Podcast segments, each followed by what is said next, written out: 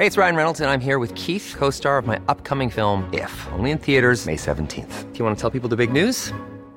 All right, I'll do. Sign up now and you'll get unlimited for $15 a month in six months of Paramount Plus Essential Plan on us. Mintmobile.com slash switch. Upfront payment of $45 equivalent to $15 per month. Unlimited over 40 gigabytes per month. Face lower speeds. Videos at 480p. Active Mint customers by 531.24 get six months of Paramount Plus Essential Plan. Auto renews after six months. Offer ends May 31st, 2024. Separate Paramount Plus registration required. Terms and conditions apply if rated PG.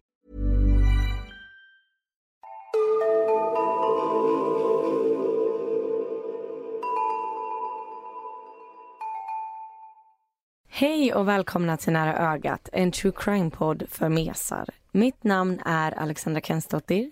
Och jag heter Amelia Ingman. Och det är skönt att höra att du har fått tillbaka rösten igen, Assa. Ja, men tack. Det är mycket bättre än förra veckan. Fortfarande lite, lite hes, men det känns så mycket bättre. Ja, du låter som dig själv igen. Ja, men tack. Och vi vill också passa på att tacka alla som har stöttat oss via Acast Supporter System. Ja, alltså verkligen tack, tack, tack. Det är verkligen jättefint av er att ni har velat göra det och att ni vill stötta oss på det sättet. Ja, men man får verkligen nyfunnen energi när man inser så att folk faktiskt gillar det man gör. Ja, och det hjälper verkligen oss i vårt arbete att få ert stöd. Så tusen tack. Ja, men vad säger du, vill, eh, vill du börja? Det kan jag göra. Idag ska jag berätta om Marnie Shepard och Sonja Randell. Och detta fallet är ett tips från Nia, så tack så jättemycket för tipset. Mina källor är ett avsnitt av Our Life, en artikel av The Age, New Zealand Herald och Stuff.com. Marnie och Sonja är bekanta. De har lärt känna varandra genom universitetet där de båda har en doktorand i fysik. Och fyra dagar innan jul 2003 så bestämmer de sig för att åka på en tre dagar lång vandring i Sydalperna i Nya Zeeland. 25-åriga Sonja har precis gjort slut med sin kille och hon vill lämna stan och få en paus. Hon är jättekrossad och behöver få lite distans och tänka över vad hon vill härnäst med sitt liv. 36-åriga Marnie är en van klättrare och hon har mycket erfarenhet av att både vandra och klättra i berg. Och det är hon som föreslår att de ska göra den här resan. För Marnie menar att hon blir väldigt lycklig av att vara ute i naturen så hon hoppas på att det även skulle få Sonja att må bättre. De känner som sagt varandra från skolan men de har knappt umgått socialt förrän den här resan. De är väldigt olika som personer och Sonja är mer social och utåtriktad i jämförelse med Marnie. I och med att Marnie har så pass stor erfarenhet av bergsklättring så känner sig Sonja väldigt trygg i att följa med henne på den här resan. Marnie har planerat den 60 kilometer långa rutten som kommer ta dem mellan bergspassager genom Sydalperna till den västra kusten på andra sidan. Det är sommar i Nya Zeeland och det är fint väder när de påbörjar vandringen. Men vädret är väldigt opolitligt trots årstiden. De har kollat prognosen i förväg och de vet om att en storm närmar sig området men enligt rapporterna så är den några dagar bort och de hoppas på att de kommer att vara klara med sin vandring innan det dåliga vädret kommer.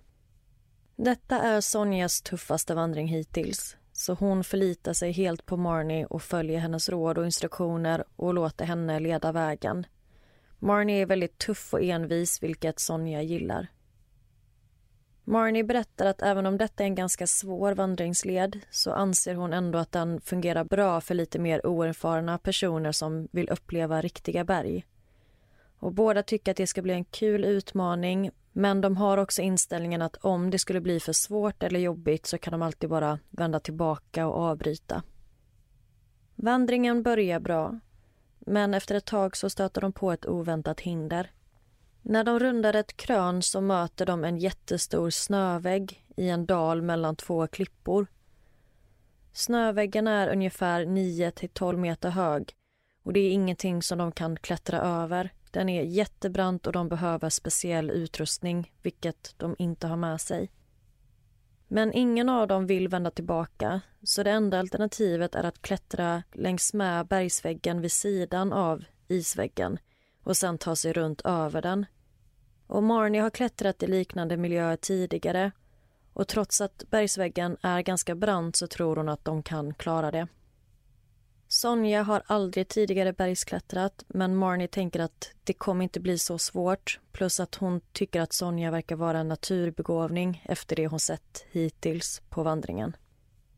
Så de bestämmer sig för att klättra och Marnie tar täten för att visa vägen. De är båda väldigt taggade och adrenalinet börjar pumpa och de är övertygade om att de kommer ta sig över isen utan problem. De kommer upp till en liten avsats men då ser de att det inte finns en chans att de kan ta sig vidare förbi isen utan rep och utrustning för terrängen är alldeles för svår. Mellan dem och vandringsleden på andra sidan som de vill ta sig till så är det en väldigt brant vägg med väldigt dåligt underlag. Och Det ser nästan ut som en lavin. Och det finns som sagt ingen möjlighet för dem att ta sig över. Men de vill fortfarande inte avbryta vandringen så Marnie bestämmer att de kan fortsätta klättra uppåt istället till nästa avsats. Och hon tänker att om de tar sig högre upp så kanske de kan ta sig över där istället.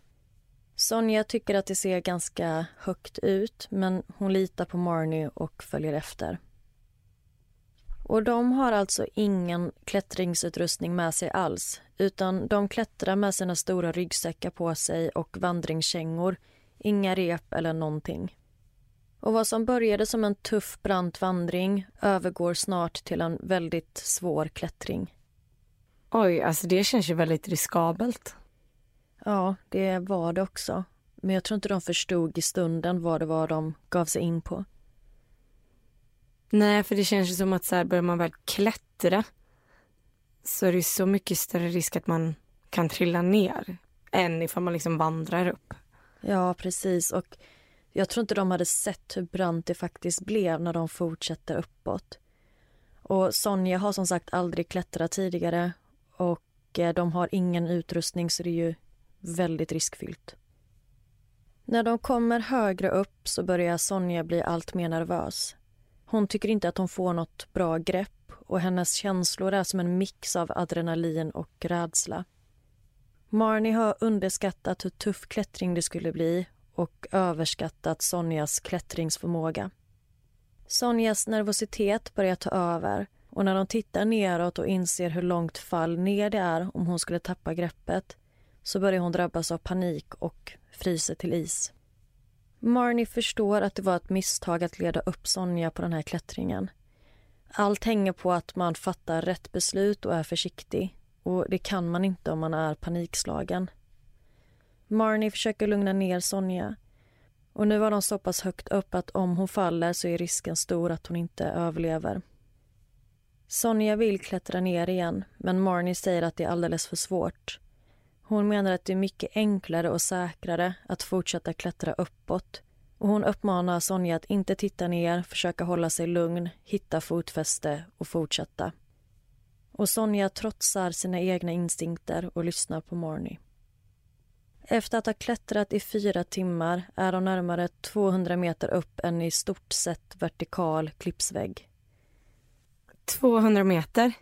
Ja, jag tycker också det låter högt men enligt avsnittet av Our Life där de intervjuades så 200 meter. Alltså jag är ju väldigt höjdrädd. Jag kan inte ens föreställa mig att klättra upp alltså, och utan rep eller någonting. Det känns ju verkligen livsfarligt. Men samtidigt förstår man ju grejen, så om man klättrar lite så går det ju bra. Klättrar man bara några steg så går det bra och några till och några till och till slut så är man alldeles för högt uppe för att kunna vända. Ja, precis. Och som jag nämnde innan, det började ju som en brant vandring mm. och så blir det brantare och brantare och brantare. Så till sist så är de i en situation de inte kan ta sig ur. Oh, vilken ångest. Ja, och ska man ge sig på en sån här klättring så krävs det att man har rätt utrustning med sig. Mm. Och tänk då Sonja som aldrig har klättrat tidigare. Ja, fruktansvärt. Marnie och Sonja kan nu se toppen på väggen. Men de stöter nu på ett nytt problem. Klippan de har framför sig är väldigt instabil. Det är fullt av lösa stenar som ser säkra ut men när de greppar tag i dem så släpper de från väggen. Så det är livsfarligt om de skulle råka lägga sin vikt på en sten som sitter lös. Sonja sätter ena foten på en sten och den lossnar. Hon försöker hålla sig kvar men orkar knappt. Och när hon ska hitta ett nytt fotfäste så tappar hon taget och glider ner längs med bergsväggen. Hon kämpar med att försöka greppa tag i något och stoppa fallet. Men hon fortsätter glida tills hon faller över en kant och lyckas då klamra sig fast med armarna på kanten. Hon håller tag med händerna och hänger med hela kroppen ut för kanten och försöker hitta fäste med fötterna. Hon är livrädd och hon vet att om hon fortsätter falla så kommer hon att dö. Marnie lyckas klättra ner till henne och försöker nu lugna Sonja och guida henne tillbaka till säkerhet. Hon får tag i Sonjas hand och tillsammans lyckas de få upp Sonja över kanten igen. Sonja är väldigt omskakad och chockad efter fallet och nu är hon helt utmattad och har förlorat allt självförtroende. Sonja vill inte fortsätta klättringen. Hon känner inte att hon klarar av det varken fysiskt eller psykiskt.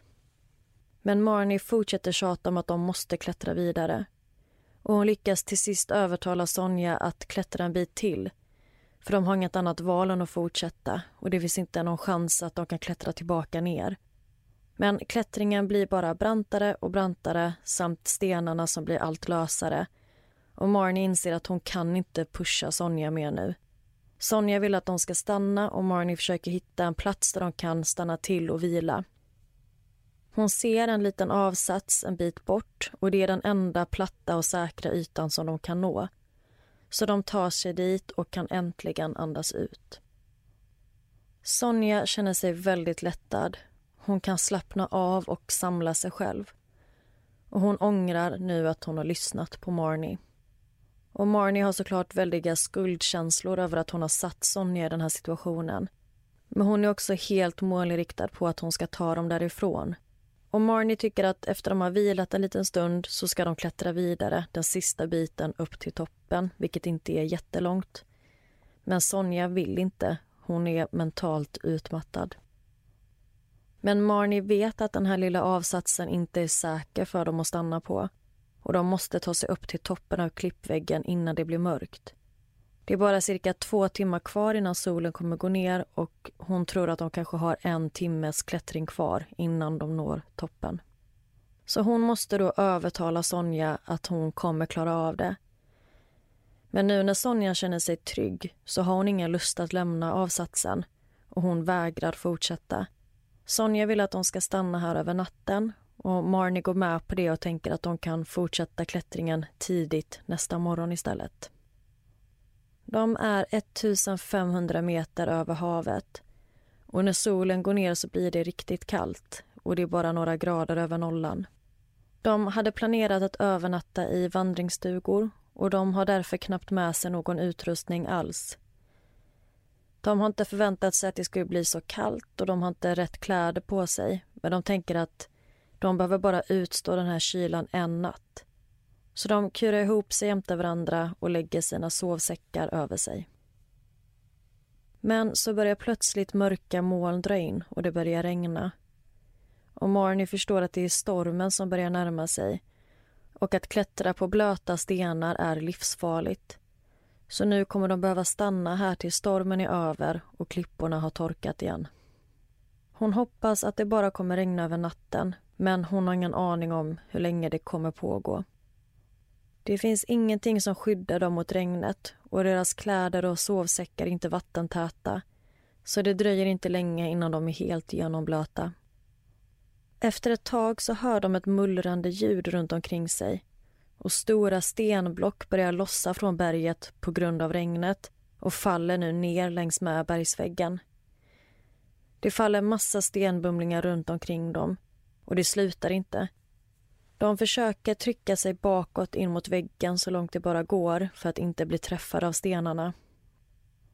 Efter vad som känns som en evighet så slutar det falla sten och de har båda klarat sig oskadda. Men ingen av dem kunde sova den natten. När morgonen kommer den andra dagen så regnar det fortfarande och de har inget val än att stanna kvar och vänta. Det är jättehalt och som sagt livsfarligt att ens försöka ta sig därifrån. Och varken Marnie eller Sonja har en mobil så de kan inte ringa efter hjälp. Marnie och Sonja tror att regnet kanske kommer att vara över om en eller två dagar. Så de tänker att de behöver inte oroa sig över att rationera med maten som de har med sig och den ska räcka i cirka två dagar till. Så de gör i ordning lunch och äter normalstora portioner. Det regnar hela andra dagen och de får spendera ännu en natt i regnet på klippavsatsen och temperaturen fortsätter sjunka. De är genomblöta, nerkylda och skakar av köld. Marnie oroar sig för hypotermi eftersom skakning är ett tecken på att kroppen försöker generera värme och om deras kroppstemperaturer fortsätter sjunka så kan deras inre organ ta skada och till sist stänga ner. Så trots att de är väldigt utmattade så oroar sig Marnie för att om de somnar så kanske de faller in i en hypotermisk koma och aldrig mer vaknar igen. Så de bestämmer sig för att de måste hålla varandra vakna. Men båda är jättetrötta så de får verkligen kämpa för att inte somna. De försöker hålla sig vakna genom att prata och Marnie är fast besluten om att hon ska ta Sonja ur den här situationen. Efter en andra natt utan sömn kommer dag nummer tre och regnet håller fortfarande i sig. Så de förstår att de kommer inte kunna lämna berget idag heller. De sitter på väldigt hårda och kantiga klippor och har haft kroppen i onaturliga ställningar och de vill röra på sig, men det finns inte riktigt plats för det. Och deras ben börjar nu bli vätskefyllda. Hur stor är den här klippavsatsen? Jag har inga exakta mått, men den är tillräckligt stor så att de kan ligga ner jämte varandra. Men de är ju så pass högt upp, plus att klipporna nu är blöta. Så att det är ju riskfyllt att stå upp och röra sig för mycket. Så läskigt. Ja. Deras ben börjar som sagt bli vätskefyllda. Fötterna har svullnat upp och gör väldigt ont. Så de tar av sig skorna för att lätta på smärtan. När de får av sig sina skor så ser de att Sonjas fötter är i väldigt dåligt skick. Efter att ha varit genomblöta i flera dagar så riskerar hon nu att utveckla så kallad skyttegravsfot. Och detta är då en svampinfektion som i värsta fall kan leda till kallbrand och blodförgiftning. Och om detta blir värre så finns det en risk att hon inte kommer kunna fortsätta klättra. De hade som sagt planerat att vandra i tre dagar och deras familjer förväntar sig att träffa dem först på juldagen, vilket är två dagar bort. Så ingen kommer anmäla dem försvunna innan dess. Och Marnie oroar sig för att de inte kommer klara sig så länge. Ännu en natt går och den fjärde dagen kommer. Nu är det julafton och regnet håller fortfarande i sig. Sonja och Marnie har nu varit vakna i över hundra timmar. De mår riktigt dåligt och känner sig svaga och båda har svår sömnbrist.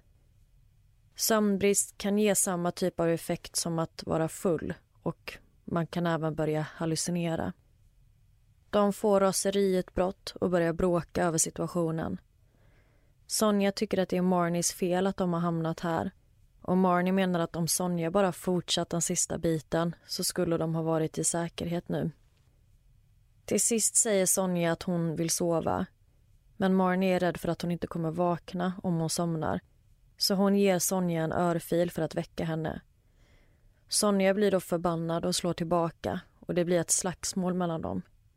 Adrenalinet pumpar, kroppsvärmen stiger och de känner sig pigga.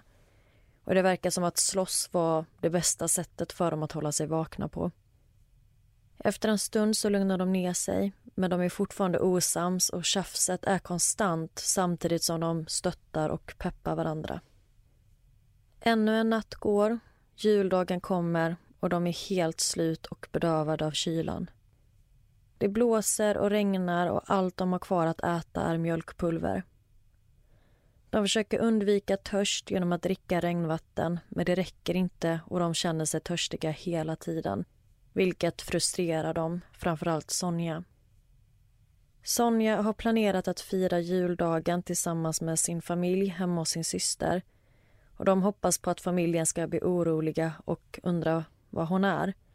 Och Sonja är övertygad om att nu är det bara en tidsfråga innan de blir hittade.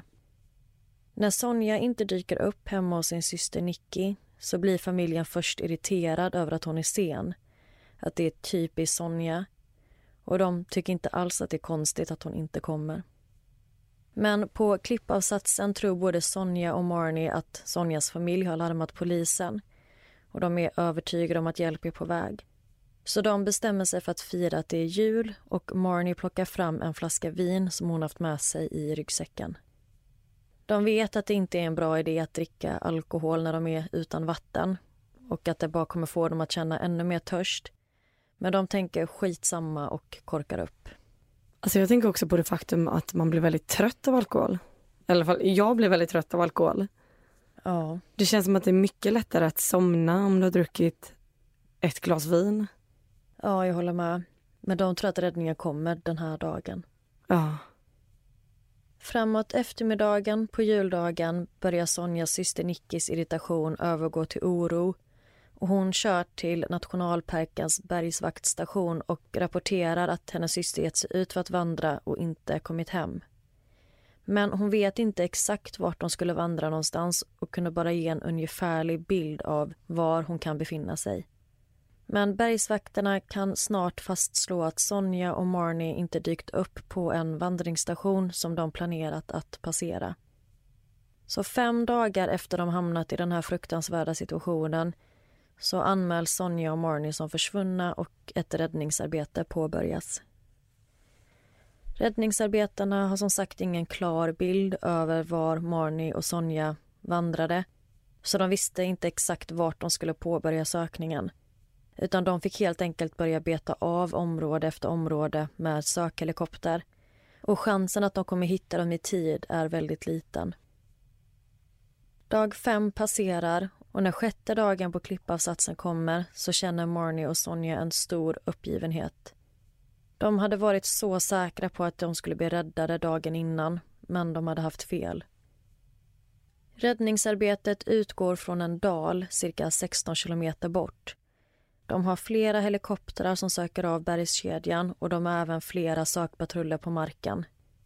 Men sökområdet sträcker sig över 100 kilometer så chansen att hitta dem är som sagt väldigt liten. På avsatsen så ångrar Marnie och Sonja att de drack vinet. Alkoholen har gjort dem ännu mer uttorkade och törsten blir allt svårare. De försöker samla regnvatten i små plastbunkar som de har haft sin mat i. Men det går inte för det blåser alldeles för mycket så bunkarna välts omkull och regnet kommer från sidan. Det enda sättet för dem att dricka är att suga ut vatten från deras genomblöta sovsäckar. Men sovsäckarna har legat dyngsura i sex dagar och de har även absorberat deras urin. Så det är väldigt äckligt, men de har inget val. Sjunde dagen kommer och de är fortfarande fast på avsatsen. Regnet håller i sig och klipporna är ishala så att försöka klättra därifrån är fortfarande inte ett alternativ. Regnet har pågått konstant och det blir kallare för varje dag som går.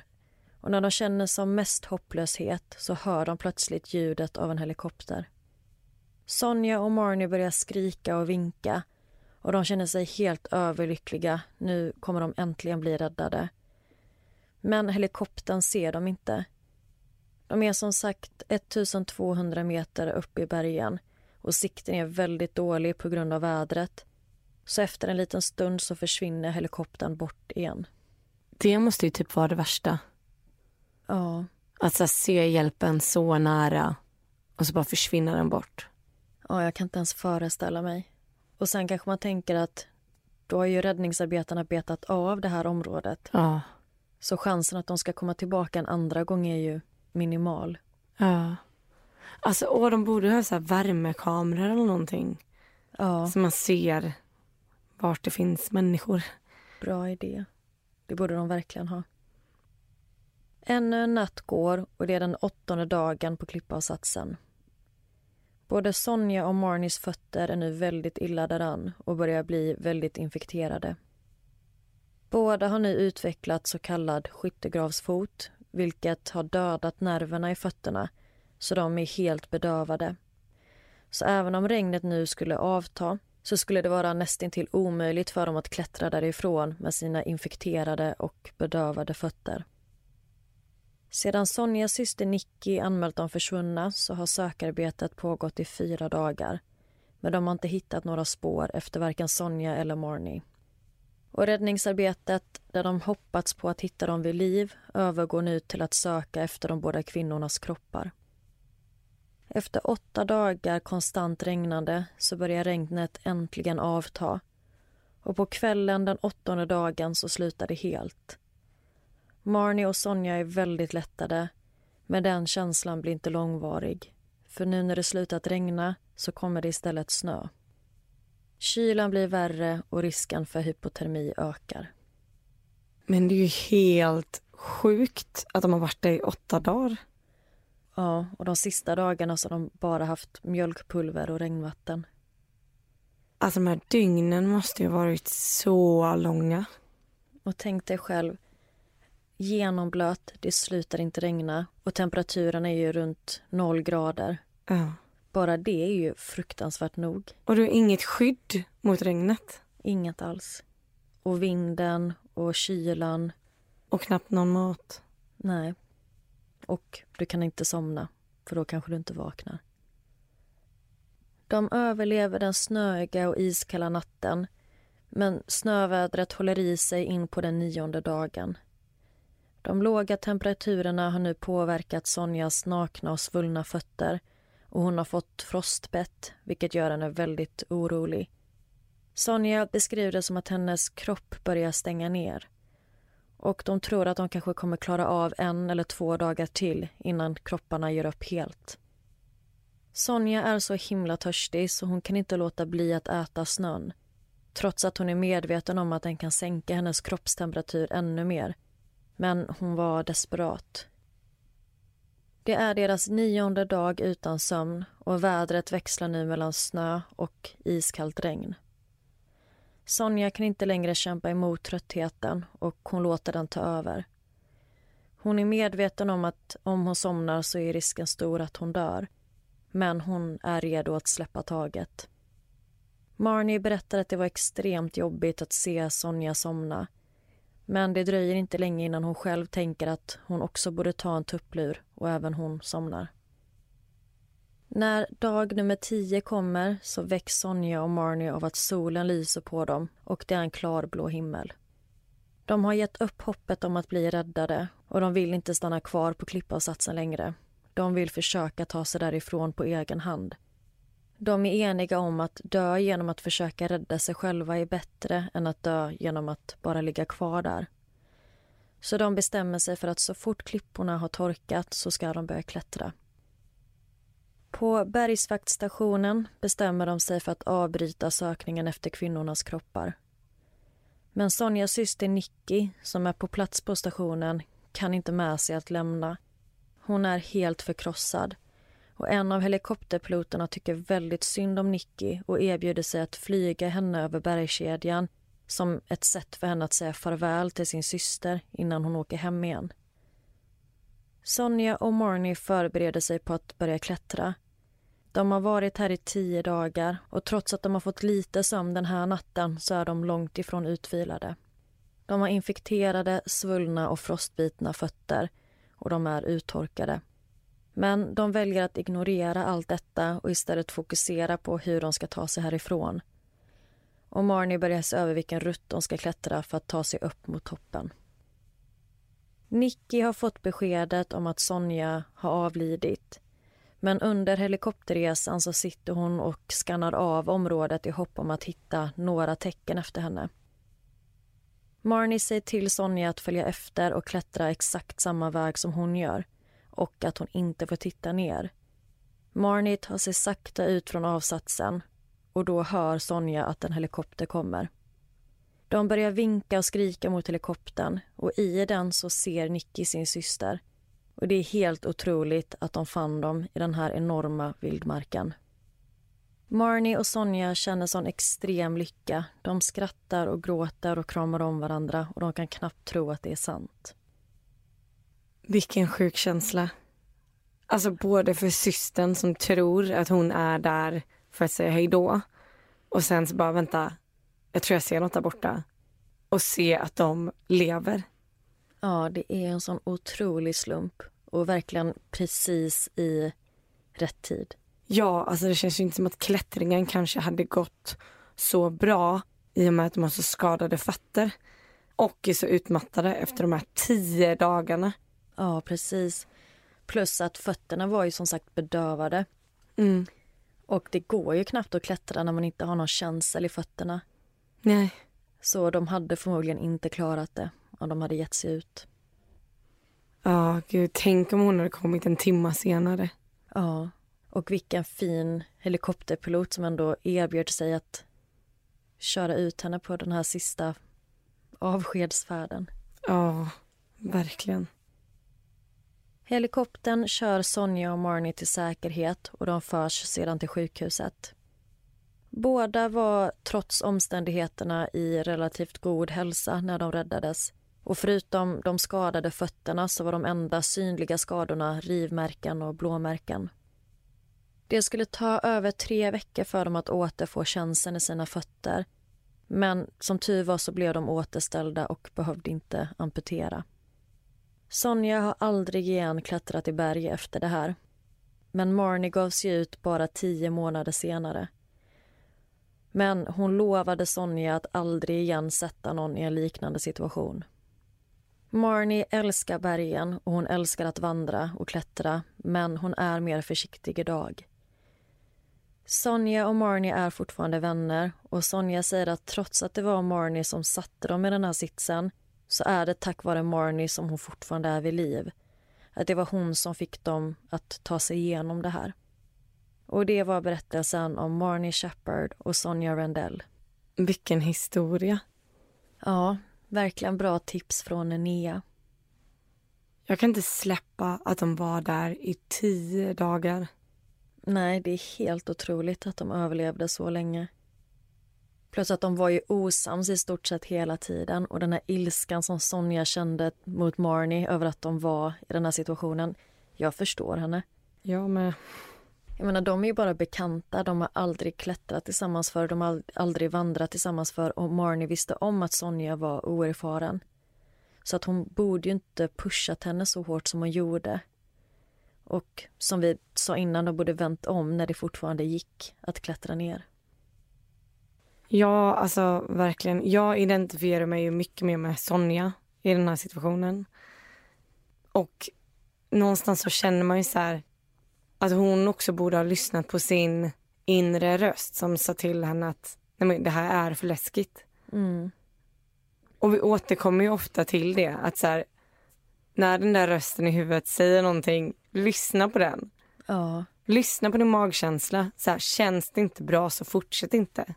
För första gången hon kände det så hade det ju gått att klättra ner igen. Exakt. Men då var det det här beslutsamheten och den målinriktade Marnie som bara vi ska ta oss över detta, vi klarar detta. Och Sonja som sagt hade aldrig klättrat för och litade ju på att Marnie fattade rätt beslut åt dem båda. Mm. Och jag har försökt hitta lite information kring vad de gör idag och vad som har hänt efter det här. Och då så hittade jag några väldigt tråkiga nyheter gällande Marnie. I november 2020, när hon var 53 år så skulle hon ut och klättra ensam i samma område där hon och Sonja försvann 2003. Men Marnie rapporterades som försvunnen i januari i år och det senaste som någon hörde från henne det var den 19 november 2020 när hon postade på Twitter att hon skulle ut till bergen.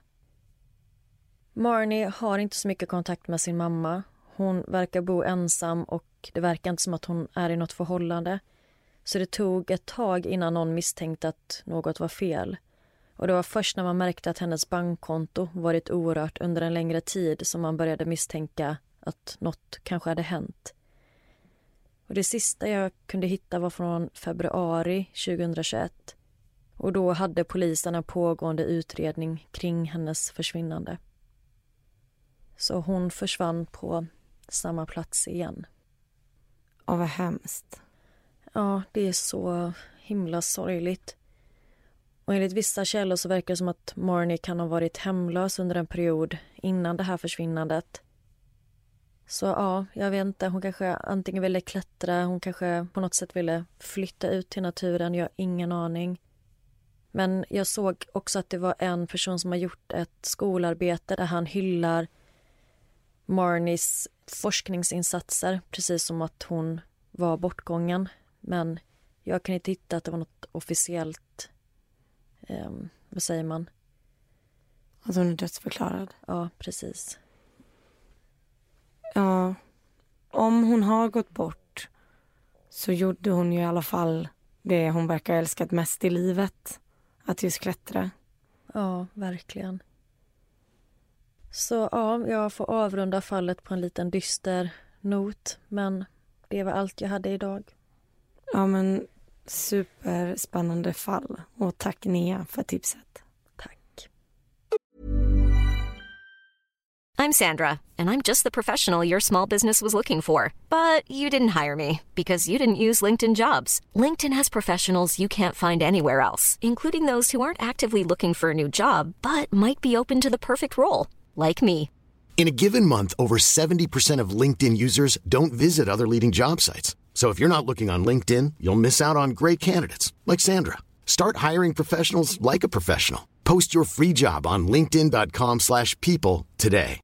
If you're looking for plump lips that last, you need to know about Juvederm lip fillers. With Juvederm Volbella XC and Juvederm Ultra XC, your lip look, whether it's subtle or bold, can last up to one full year with optimal treatment and no additional maintenance. Find a licensed specialist and see if it's right for you at juvederm.com today. That's J U V E D E R M.com. Add fullness to lips in adults over 21 with Juvederm Volbella XC or Juvederm Ultra XC. Do not use if you have severe allergies or a history of severe allergic reactions, or if you're allergic to lidocaine or the proteins used in Juvederm. Tell your doctor if you have a history of scarring or taking medicines that decrease the body's immune response or that can prolong bleeding. Common side effects include injection site redness, swelling, pain, tenderness, firmness, lumps, bumps, bruising, discoloration, or itching. As with all fillers, there's a rare risk of unintentional injection into a blood vessel, which can cause vision abnormalities, blindness, stroke, temporary scabs, or scarring.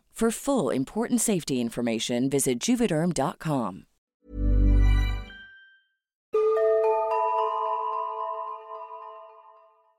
Jag ska berätta om Candice Fonagy och vad som hände henne 31 oktober 1992. Mina källor är ett avsnitt av Medical Detectives, eller Forensic Files som det nu heter. Ett avsnitt från podcasten Forensic Tales och artiklar från IFL Science, Forensic File Now och Wikipedia.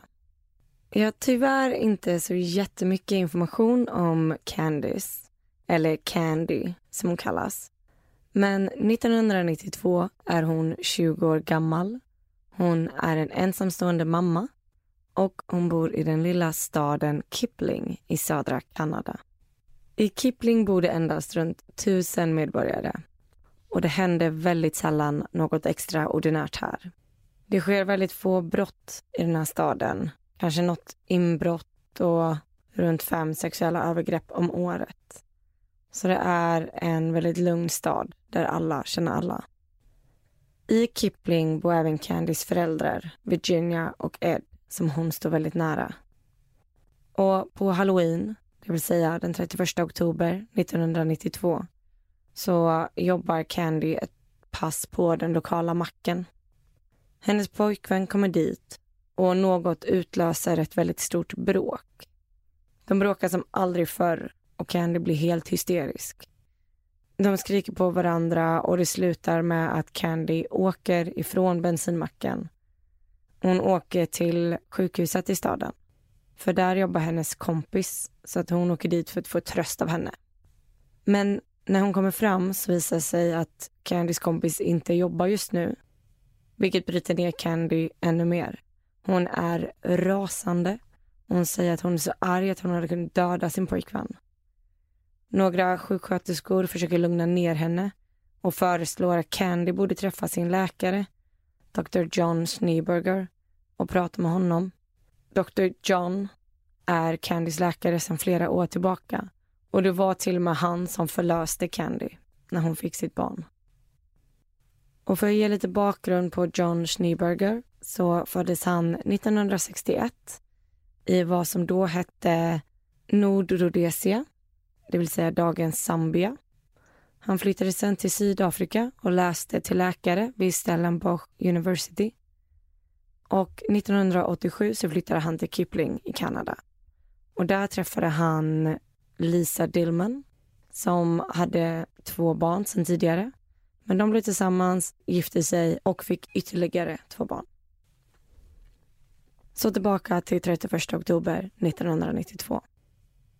Candy är inne hos Dr John och nu har hon lugnat ner sig lite. Hon är inte alls lika hysterisk längre. För jag tänkte precis fråga vad, vad handlade bråket om? Det kunde jag faktiskt inte hitta någonting om vad bråket handlade om. För det låter ju väldigt allvarligt för henne att reagera på detta sättet och åka till sin väns jobb till och med. Mm, tyvärr vet jag inte alls vad bråket handlade om. Men hon ville ju åka och träffa sin kompis, inte liksom åka till sjukhuset egentligen. Nej, precis. Ja, så det var inte så att hon åkte dit för att söka hjälp. Utan det var mer bara för att få tröst av sin vän. Candy är nu inne hos Dr John. Och hon har lugnat ner sig lite. Hon är inte alls lika hysterisk som tidigare. John rekommenderar att Candy bör ta lugnande medicin för att hon ska bli helt lugn. Och Candy tänker då att det här kanske är lite ångestdämpande tabletter eller liknande och går med på det. Men så kommer John tillbaka med en spruta och injicerar henne med lugnande. Och det tar inte lång tid innan hon märker att hela hennes kropp börjar domna bort. Helt plötsligt kan hon inte lyfta armarna längre. Hon orkar inte ens hålla sig uppe utan faller ihop på undersökningsbritsen. Hon vill skrika men får inte fram ett ljud. Allting blir suddigt och hon känner att hon börjar tappa medvetandet. Oj, vad läskigt. Mm. Det är inte det man tror ska hända när man får lite lugnande. Eller hur? När Candy vaknar till senare har hon svårt att minnas exakt vad som har hänt. Men hon är säker. Hon har blivit våldtagen av Dr John. Nej. Fy vad hemskt. Mm. Det är ju det sista man tror ska hända i en sån situation. Verkligen. Hon träffar en läkare, får hjälp, är kvar på sjukhuset och så händer detta. Mm, hon träffar till och med sin läkare som hon haft i flera år. Han har förlöst henne, hon litar på honom. Och så händer det här. Ja, oh, fy. Och även om allting fortfarande snurrar och hon fortfarande är ganska borta så förstår hon klart och tydligt vad det är som har hänt. Och när hon vaknar så är hon ensam i undersökningsrummet. Så hon rotar runt lite, hittar en påse och den lägger hon ner sina trosor i. Sen stapplar hon ut i korridoren. Där möts hon av några sjuksköterskor. Candy berättar inget för dem. Hon vågar inte. Och sköterskorna säger att hon borde spendera natten på sjukhuset och hon är så groggy. Så de tar in henne i ett rum där hon får sova. Och när hon vaknar dagen efter känner hon sig som sig själv igen. Och hon letar reda på John och konfronterar honom. Hon frågar vad det var för lugnande medicin hon fick dagen innan. Och då svarar han, vad då fick du vilda drömmar av den? Och då förstår Candy att han aldrig kommer erkänna det här och att hon kommer behöva kämpa för att få fram sanningen. Candy tar sig hem till sina föräldrar Virginia och Ed.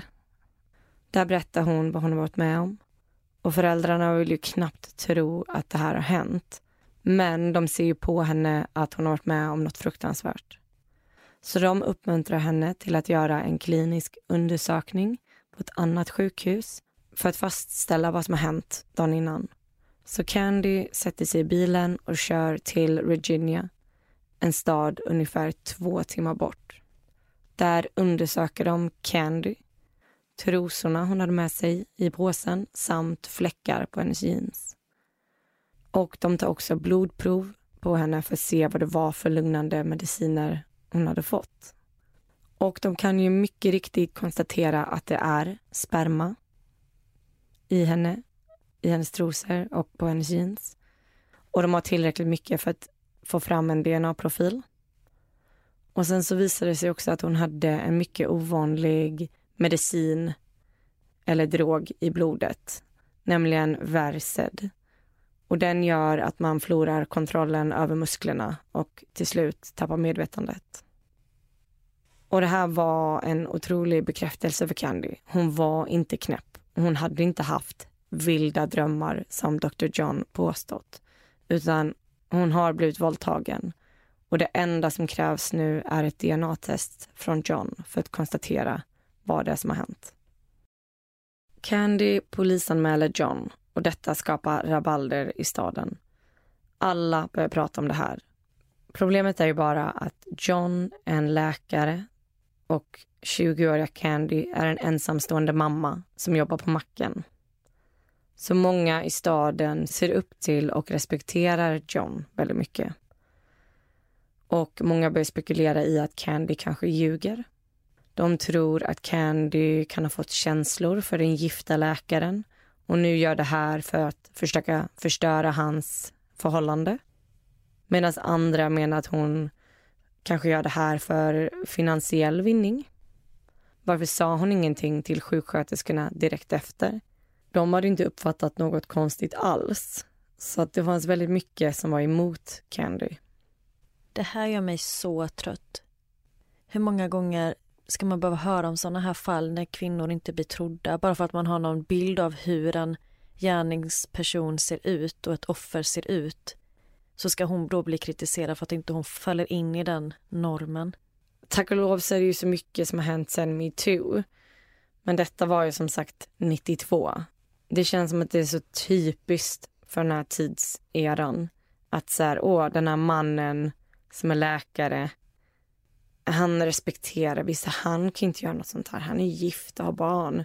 Medan den här ensamstående mamman, det är klart att hon är kär. Äh, jag vet inte, men det, det är fruktansvärt. Det är så vidrigt hur lätt man har för att bara tänka att hon hittar på. Som om det skulle vara värt för henne att hitta på detta. Att bli ifrågasatt och kanske utfryst på grund av en lögn. Jag menar, varför skulle det vara värt för henne att hitta på något sånt här? Nej, verkligen. Men nu är det dags för ett DNA-test.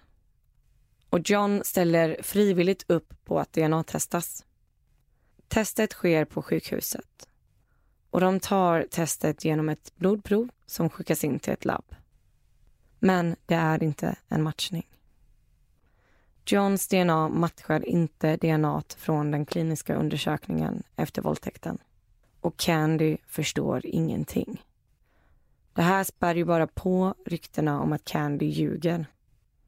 Hon förstår verkligen inte varför det inte är en matchning och vill göra om testet. Något måste ha blivit fel någonstans. Och Candy är inte den som ger sig, utan hon kämpar vidare. Hon trycker på från alla håll och begär ett nytt test. Och i augusti 1993 är det dags för ett nytt DNA-test. Den här gången så är det återigen en sjuksköterska som gör testet, men en polis övervakar allt. Polisen ser hur testet tas och polismannen får sedan med sig blodet för att ge till polisens forensiska labbtekniker som i sin tur gör DNA-testet. Och nu känner Candy att det här måste ju bli rätt för polisen övervakar ju allt. Och resultatet kommer tillbaka. Återigen är det ingen matchning. Johns DNA matchar inte DNA från den kliniska undersökningen efter våldtäkten. Candy förstår ingenting. Hur kan det inte vara en matchning? Och de enda som egentligen trodde på henne var hennes föräldrar och någon kompis. Men resten av staden trodde att hon var galen. Johns förklaring till det hela var att han faktiskt hade injicerat Candy med Versed för att lugna ner hennes hysteriska utbrott. Och att en biverkning av den här medicinen är hallucinationer och även erotiska hallucinationer. Men som Candys advokat påpekar i avsnittet av Medical Detectives, även om drogen skulle skapa erotiska hallucinationer så skapar den ju inte sperma. Och Candy hade ju inte haft sex på flera veckor innan den här dagen. Så var kommer sperman ifrån? Vad tror du? Vad är dina teorier? Ja, först så tänkte man ju att såklart att det är Dr. John. Men i och med att DNA-bevisningen säger annat så borde han ju då kanske vara oskyldig och att det är någon annan som har våldtagit Candy. Eller att Dr. John har placerat en annan mans sperma på henne för att komma undan. Mm. Ja, bra teorier. Får se om du har rätt. 1994, två år efter våldtäkten, så läggs utredningen ner. De har ju inga bevis mot John. De har gjort två DNA-test och de har inga andra misstänkta. Och nu får Candy nog av polisen i Kepling så hon anställer en privatdetektiv. Och den här detektiven gör verkligen sitt jobb. Han bryter sig in i Johns bil. Och där hittar han något hårstrå, men det hade ingen rot kvar så då går det inte att få ut något DNA från det. Men han hittar också ett lypsyl som han tar med sig. Och Candy finansierar ju allting själv. Och hon finansierar då även ett DNA-test på en privat klinik. Och det här var ju väldigt dyrt i början på 90-talet. Men DNA-labbet lyckas få fram DNA från lepsylet och det är en matchning med den kliniska undersökningen efter våldtäkten. Kan jag då få lägga till en teori? Mm. Att han förfalskat sitt DNA-prov. Hur då? Han har ju tillgång till hur mycket blod som helst om han nu är läkare på ett sjukhus. Och han kanske har betalat sköterskan för att, för att lämna över fel prov till polisen. Men polisen var ju där och övervakade.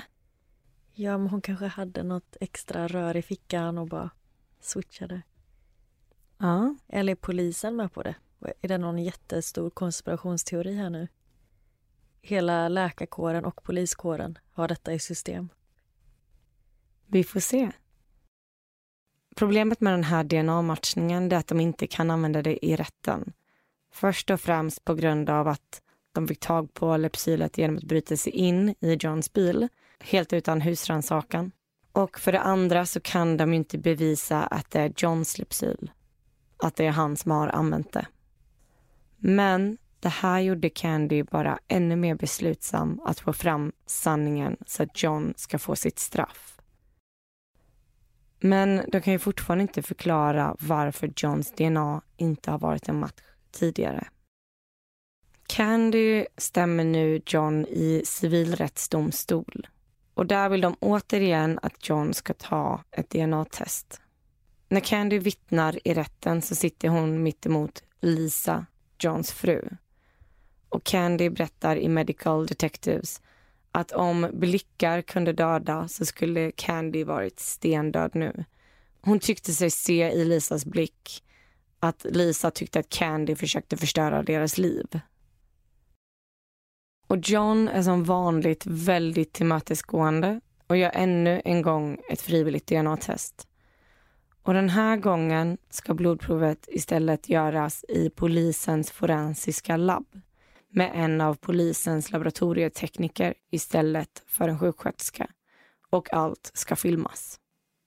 Först vill labbteknikern göra blodprovet i fingret. Men på grund av att John har en sjukdom som gör att han får blåmärken väldigt lätt så vill han hellre göra det i armen.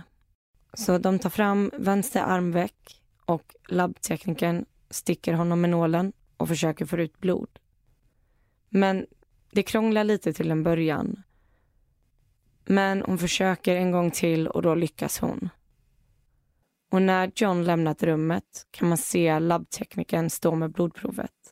Hon ser lite skeptisk ut och säger att blodprovet ser konstigt ut. Det ser nästan ut som att blodet inte är färskt fast hon precis tog det. Och blodprovet skickas i alla fall på DNA-testning. Men det visade sig att blodet var för nedbrutet så att de kunde inte få fram något DNA. Och tyvärr så blev detta avslutet på Candys fall igen. Men vadå, har han lagt någonting på armen? Alltså typ gömt en påse blod? Alltså man ser i filmen hur de tar ett blodprov i hans arm. Jag fattar ingenting. Nej. Alla mina teorier är ju fel. Jag är inte en bra utredare. jag kan säga, Candy förstod ju inte heller någonting. Candy var ju nu extremt irriterad på myndigheterna. För även om hon hade kunnat bevisa att DNA på Lepsyret matchade den kliniska undersökningen efter våldtäkten så kunde hon inte få staten att bevisa det. De lämnade faktiskt in DNA-testet av Lepsyret till polisen men polisen kunde inte göra någonting då de måste följa lagen. Några år går och i april 1997, det vill säga fem år efter våldtäkten, så dyker det upp något nytt. Det visar sig att Lisa, Johns fru, nu anmält John för våldtäkt mot barn. Johns styvdotter, det vill säga Lisas biologiska dotter, hade berättat för Lisa att John under flera års tid kommit in på nätterna och gett henne injektioner och sen våldfört sig på henne. Och Lisa har sen hittat en låda i Johns arbetsrum full med kondomer, nålar och lugnande mediciner som Versed. Och nu arresteras John igen. Och den här gången har polisen en husrannsakan vilket gör att de inte behöver lyssna på John utan de kan ta hans DNA som de vill. Så nu tar de prov från hans hår, hans saliv och de tar blod men den här gången genom ett stick i fingret. Och den här gången så matchar samtliga DNA-test med den kliniska undersökningen efter våldtäkten mot Candy. Ingen förstår hur de tidigare DNA-testen inte har stämt. Hur har han manipulerat dem? De har ju själva sett hur nålen gått genom huden på John när de har tagit blod från honom. I november 1999, sju år efter våldtäkten, hålls rättegången. Och nu får de äntligen svar på det alla undrat. John bekänner att han opererat in ett rör under huden i vänster armveck som han fyllt med blod från en av hans patienter. Amelia tappar hakan här. Det här är ju det sjukaste. Mm. Men då har han ändå lyckats få sköterskorna att ta att dra blod från exakt det här röret. Mm. Det här röret har ju sett ut som en blodåder. Så när de har tagit blodprov har de stuckit in nålen i vad de tror är en ven och tagit blod därifrån. Och han har ju hela tiden sett till att de ska göra det i armen. Och när han har dragit upp tröjan så ser han till att de inte ska se ärret på armen där han opererat in röret det här är ju helt ofattbart. Sån utstuderad ondska. Ja. Så att han ska kunna springa runt och våldta hur många kvinnor han vill. Och så räknar han iskallt med att de kan ta mitt blodprov och jag kan ändå komma undan med det. Mm. Så när polisens forensiska labbtekniker skulle ta DNA-testet för tredje gången så var det ju flera år efter han opererat in röret med blod. Så att det var därför labbteknikern tyckte att blodet såg konstigt ut. Så hade han opererat in röret specifikt för utredningen kring Candys våldtäkt? Ja, precis. Och den här alltså labbteknikern hade också reagerat på att hon tyckte att blodådran på armen stack ut ganska mycket. Vilket det kan göra ibland. Men nu när man förstår att Det var liksom ett plaströr som satt i hans arm. Jag tycker det är helt sjukt. Mm. Ja, alltså jag kan lägga ut bilder från den här filmen de spelade in när de tog testet. För då ser man verkligen så här, det här röret i armen. Eller det ser ju ut som en blodådra, men den är väldigt, väldigt tydlig och när man vet att det är ett inopererat rör, ja då blir det ju extra tydligt. Ja, jag vill verkligen se de bilderna. Ja, de lägger jag ut sen på Nära ögat podd på Instagram. Och Facebook. Och Facebook, ja. Trots allt detta så nekar John fortfarande till våldtäkten. Och han anställer en av de bästa försvarsadvokaterna i trakten. Och John menar då att Candy har brutit sig in hemma hos honom. Att han har stulit en kondom och använt sperman för att sätta dit honom. Och han förklarar det här röret i armen med att han var tvungen att göra så för att det fanns inget annat sätt han kunde försvara sig på. Candy berättar om rättegången i Medical Detectives. Och där berättar hon hur Johns advokat försökte grilla henne. Men Candy beskriver sig själv som en bulldog under rättegången. Och hon berättar om hur hon fullkomligt krossade advokatens alla påståenden. Hon avslutar med att säga I showed him who was the boss. Heja Candy. Dr John Schneesberger döms till våldtäkt och för att ha drogat Candy samt förvanskat bevis. Och han döms också för sexuella övergrepp mot minderårig. Han får sex års fängelse och blir av med sin läkarlicens. Och Johns exfru Lisa gör allt i sin makt för att deras gemensamma barn inte ska behöva träffa John. Och hon går till och med så långt att hon drar det inför rätten. Men tyvärr så förlorar hon.